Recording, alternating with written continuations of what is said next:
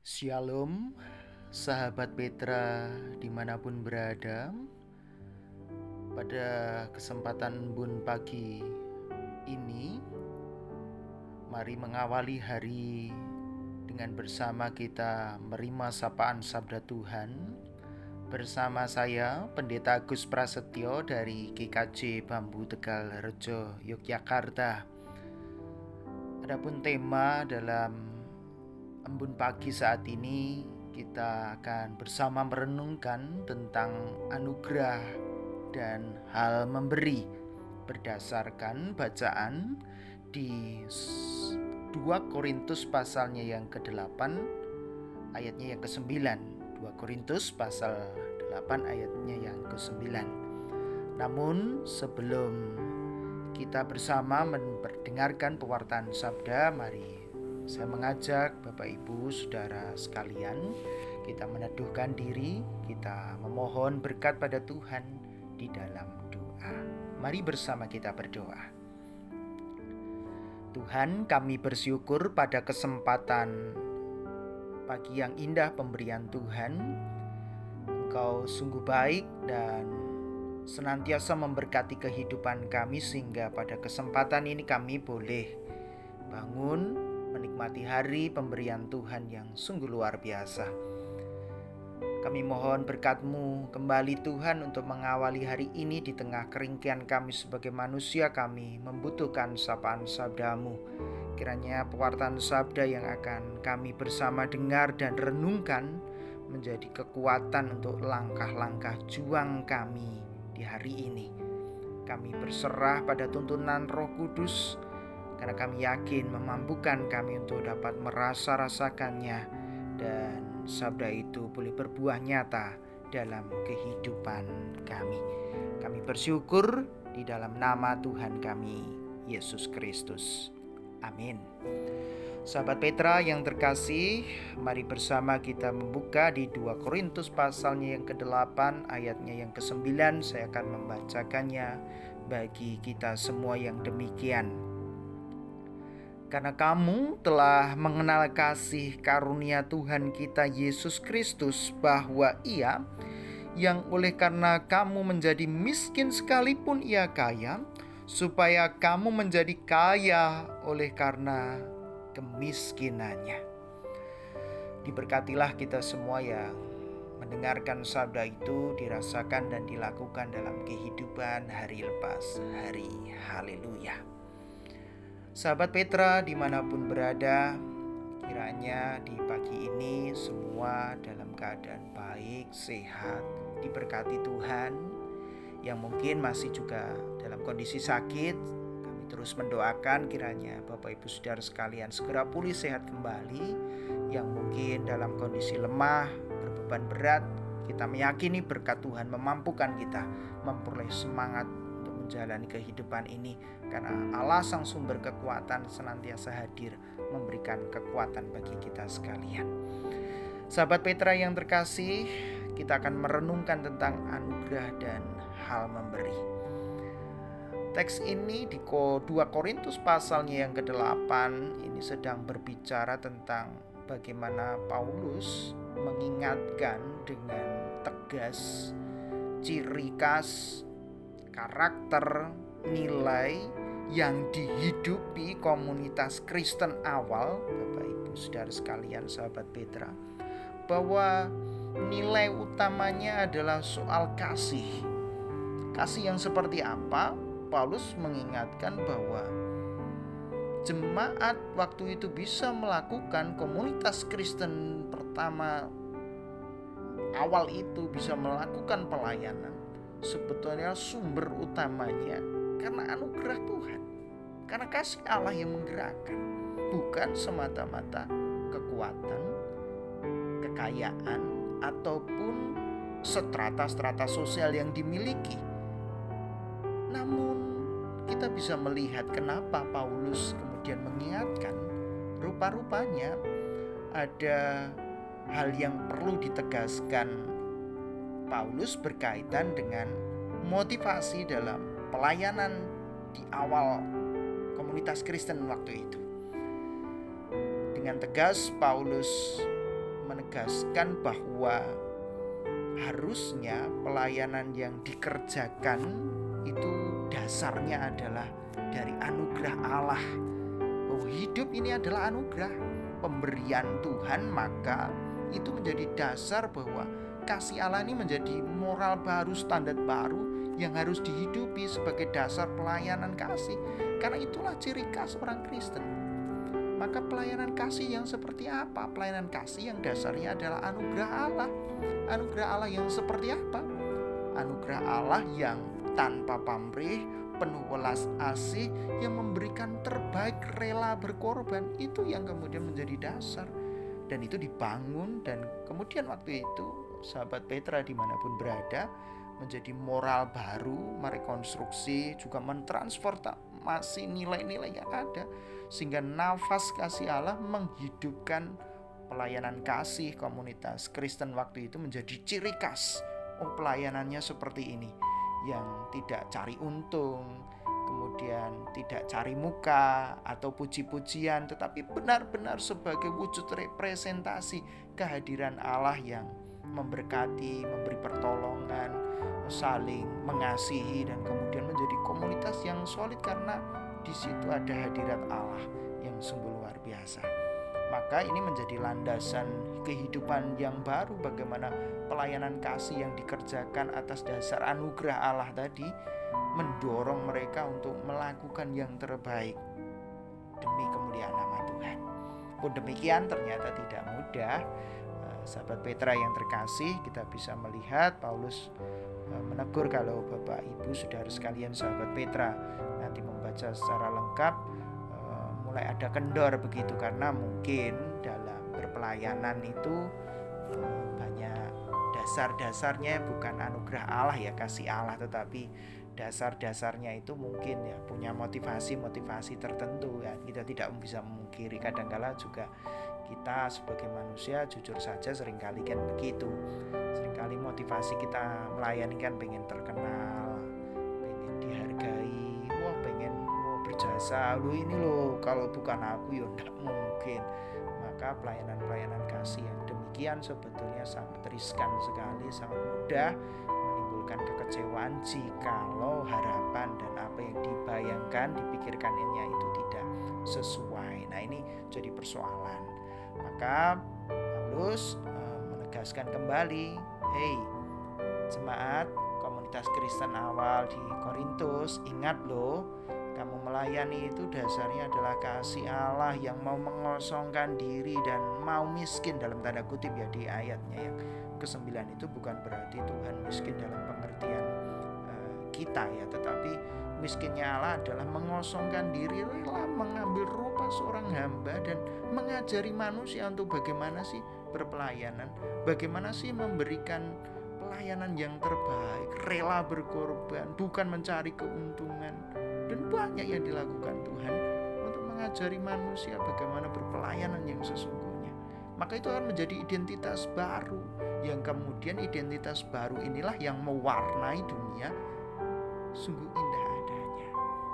Sebab itu, sahabat Petra yang terkasih, kita bisa melihat di komunitas awal di Korintus itu kita bisa melacaknya dan menariknya adalah moral baru tentang judulnya kan di sana pelayanan kasih ya pelayanan kasih yang dasarnya memang anugerah Allah itu menjadi landasan baru landasan kan seperti pondasi ya Bapak Ibu Saudara sekalian. Kalau pondasinya itu tidak anugerah Allah kasihnya Allah kita dalam melayani oh tentu kita akan mudah goyah. Kita diejek dihina oh pelayanmu hanya kayak gitu kita goyah. Kemudian kalau apa yang menjadi harapan kita tidak sesuai kita mudah goyah.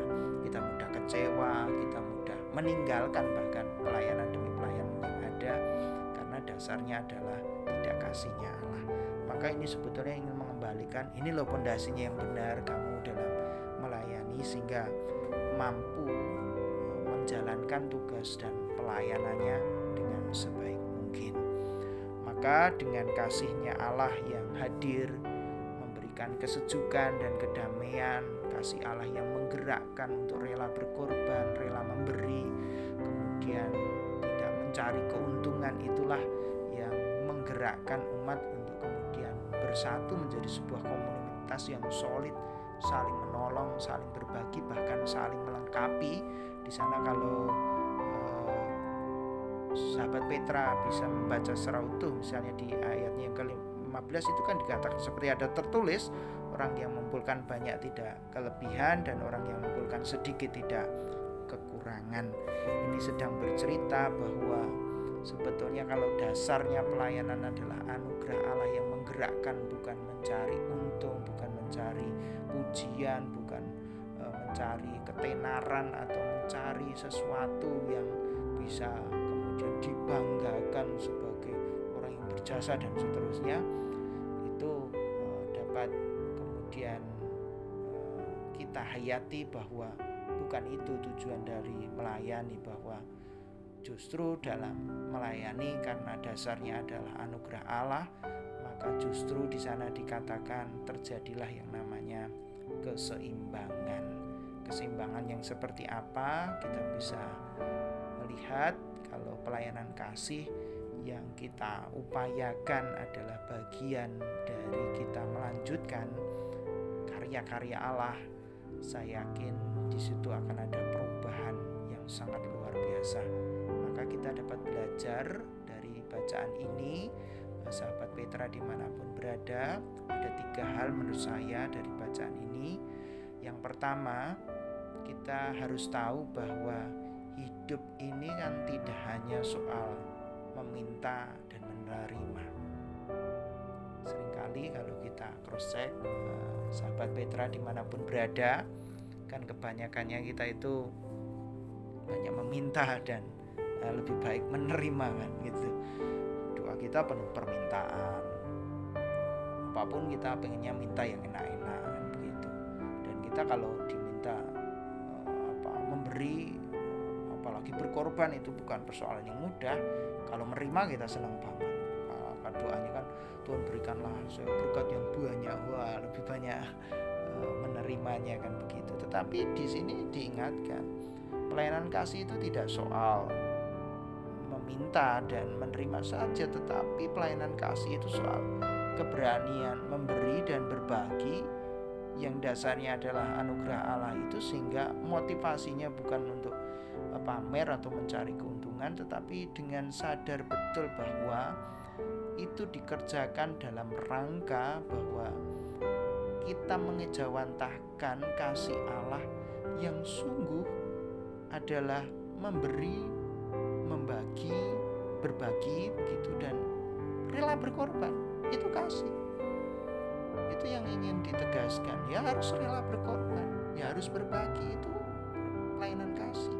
Bukankah selama ini kita mengerjakan pelayanan kita itu lebih banyak berbagi dan memberi berbagi waktu kita memberi waktu kita memberi tenaga kita bahkan material kita juga nah kalau yang tidak siap ini biasanya enggan untuk melayani. Karena memang konsekuensinya demikian. Itu yang tidak mudah dalam uh, kita melayani. Karena itu harga yang harus dibayar. Dan itu sebetulnya apakah kemudian kita berpatokan pada ya? Tidak sebetulnya. Justru apa yang kita lakukan dalam memberi dan berbagi itu akan menjadi berkat bagi yang lain. Itu yang menjadi sekalian.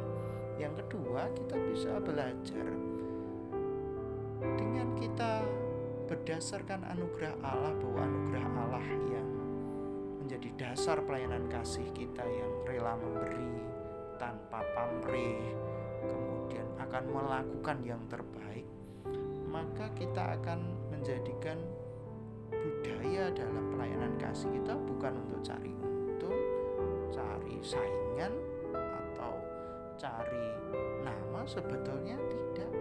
Justru budaya-budaya demikian diubah karena kasih Allah yang demikian hebat yang kita terima dan kita rasakan yang tanpa pamrih itu juga mendorong kita untuk kemudian memberikan pelayanan kasih yang juga tanpa pamrih kan gitu. Nah, tanpa pamrih inilah yang mendorong kita melakukan segala sesuatunya penuh ikhlas dan sukacita. Karena di situ ada keikhlasan dan sukacita, justru di situ ada berkat Tuhan yang sangat luar biasa. Maka di sana dikatakan jika kita memberikan terjadilah keseimbangan karena di ayat 15 itu orang yang mengumpulkan banyak tidak kelebihan dan orang yang mengumpulkan sedikit tidak kekurangan. Bukankah ini suatu hal yang indah dibutuhkan saat ini untuk menciptakan keseimbangan. Berarti kita sedang mengejar keadilan, kita sedang mengerjakan yang namanya keadilan yang bisa dirasakan oleh semuanya ketika kita mau melayani dan berbagi itu apalagi di tengah kondisi sekarang eh, sahabat Petra di mana pun berada tidak bisa dipungkiri sekarang kan budaya komparasi dan eh, apa ya, kompetisi ya apa pun ya kompetisi apa pun ya komparasi membandingkan kemudian eh, berkompetisi mencari yang terbaik dan seterusnya. Dan kadangkala karena budaya kompetisi dan komparasi itu merasuk ini yang kadangkala menjadi persaingan yang tidak sehat. Di antara kita antar gereja pun saling bisa saja saling menjelek-jelekan. Akhir-akhir ini kan saya prihatin ya kalau sahabat Petra bisa menyaksikan tokoh-tokoh gereja yang terkenal yang diikuti oleh banyak follower gitu ya. Saling serang antar dogma antar pengajaran saling menyindir satu dengan yang lain. Menurut saya ini bukan bukan bukan eh, bukan pelayanan kasih menurut saya. Pelayanan kasih kan tidak demikian. Justru kekurangan yang ada kita saling melengkapi sehingga terjadi keseimbangan tadi. Nah ini menjadi refleksi bagi kita sekalian di tengah tantangan budaya sekarang yang komparasi dan kompetisi ini bagaimana kita kemudian pelayanan kasih kita menciptakan keadilan untuk yang kurang itu bagaimana kita yang berpendidikan juga mau untuk membantu saudara-saudara kita yang kurang berpendidikan saudara-saudara kita yang kekurangan soal material, kita yang kaya berlimpah juga mau rela berbagi. Kita yang mungkin berpengetahuan banyak wawasan luas, kenapa kita tidak mau memberi juga pengetahuan kita berbagi kepada saudara-saudara kita yang membutuhkan? ini kan indah sekali. Jika posisinya balance, terjadi keseimbangan, di situlah kita bisa melihat kasih Allah yang sangat luar biasa.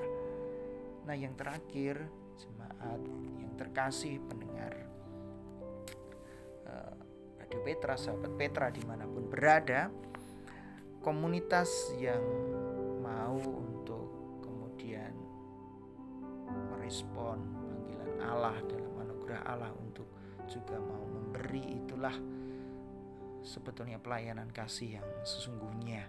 Sehingga komunitas yang dasarnya adalah anugerah Allah dan kerelaan juga mau untuk berbagi, memberi rela, berkorban tanpa pamrih terus dihidupkan dalam komunitas itu kita meyakini komunitas itu akan menjadi solid kuat dan bahkan persaudaraannya sungguh luar biasa adanya dan itu tercermin dalam bacaan kita bagaimana jemaat diteguhkan kembali untuk kita bersama belajar bahwa inilah yang harus kita kedepankan. Mungkin refleksi untuk kita, pelayanan kasih yang kita kerjakan selama ini mungkin dasarnya bukan anugerah Allah, tetapi karena kita punya banyak motivasi. Saya tidak tahu Bapak Ibu Saudara sekalian, eh, sahabat Petra, apa dasar motivasi atau pondasi kita dalam melayani. Kalau hari ini mungkin masih dengan banyaknya motivasi-motivasi dan kadangkala membuat kita mudah lelah, capek, kecewa. Mari kita kembali pada panggilan kita bahwa dasar kita pelayanan kasih yang kita kerjakan harusnya adalah dasarnya anugerah Allah yang tanpa pamrih, rela berkorban, memberikan yang terbaik agar saudara-saudara kita sungguh mendapatkan berkat. Saya tutup dengan pendapat John Sabrino itu mengatakan demikian. Sebetulnya adalah pelayanan kasih itu wujud solidaritas yang menggerakkan hati, pikiran, tangan, dan seluruh hati kita, tenaga kita, hidup kita untuk rela berbagi dan memberikan yang terbaik bagi sesama untuk bangkit untuk kemudian tumbuh berkembang, untuk kemudian saudara-saudara kita bisa menikmati juga merasakan kasih bangkit kembali. Sehingga terjadilah yang namanya di sana keseimbangan hidup. Maka saya mengajak kita sekalian mari kita lestarikan pelayanan kasih kita yang dasarnya adalah anugerah Allah. Bukan dasarnya kehebatan kita kekuatan kita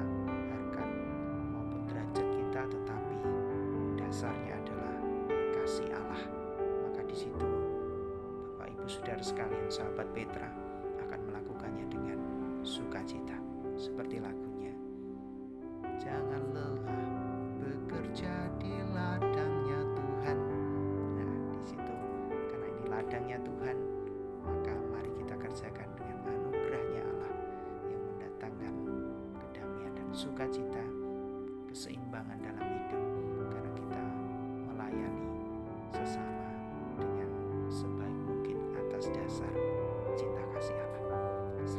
mengerjakan Tuhan memberkati kita semua.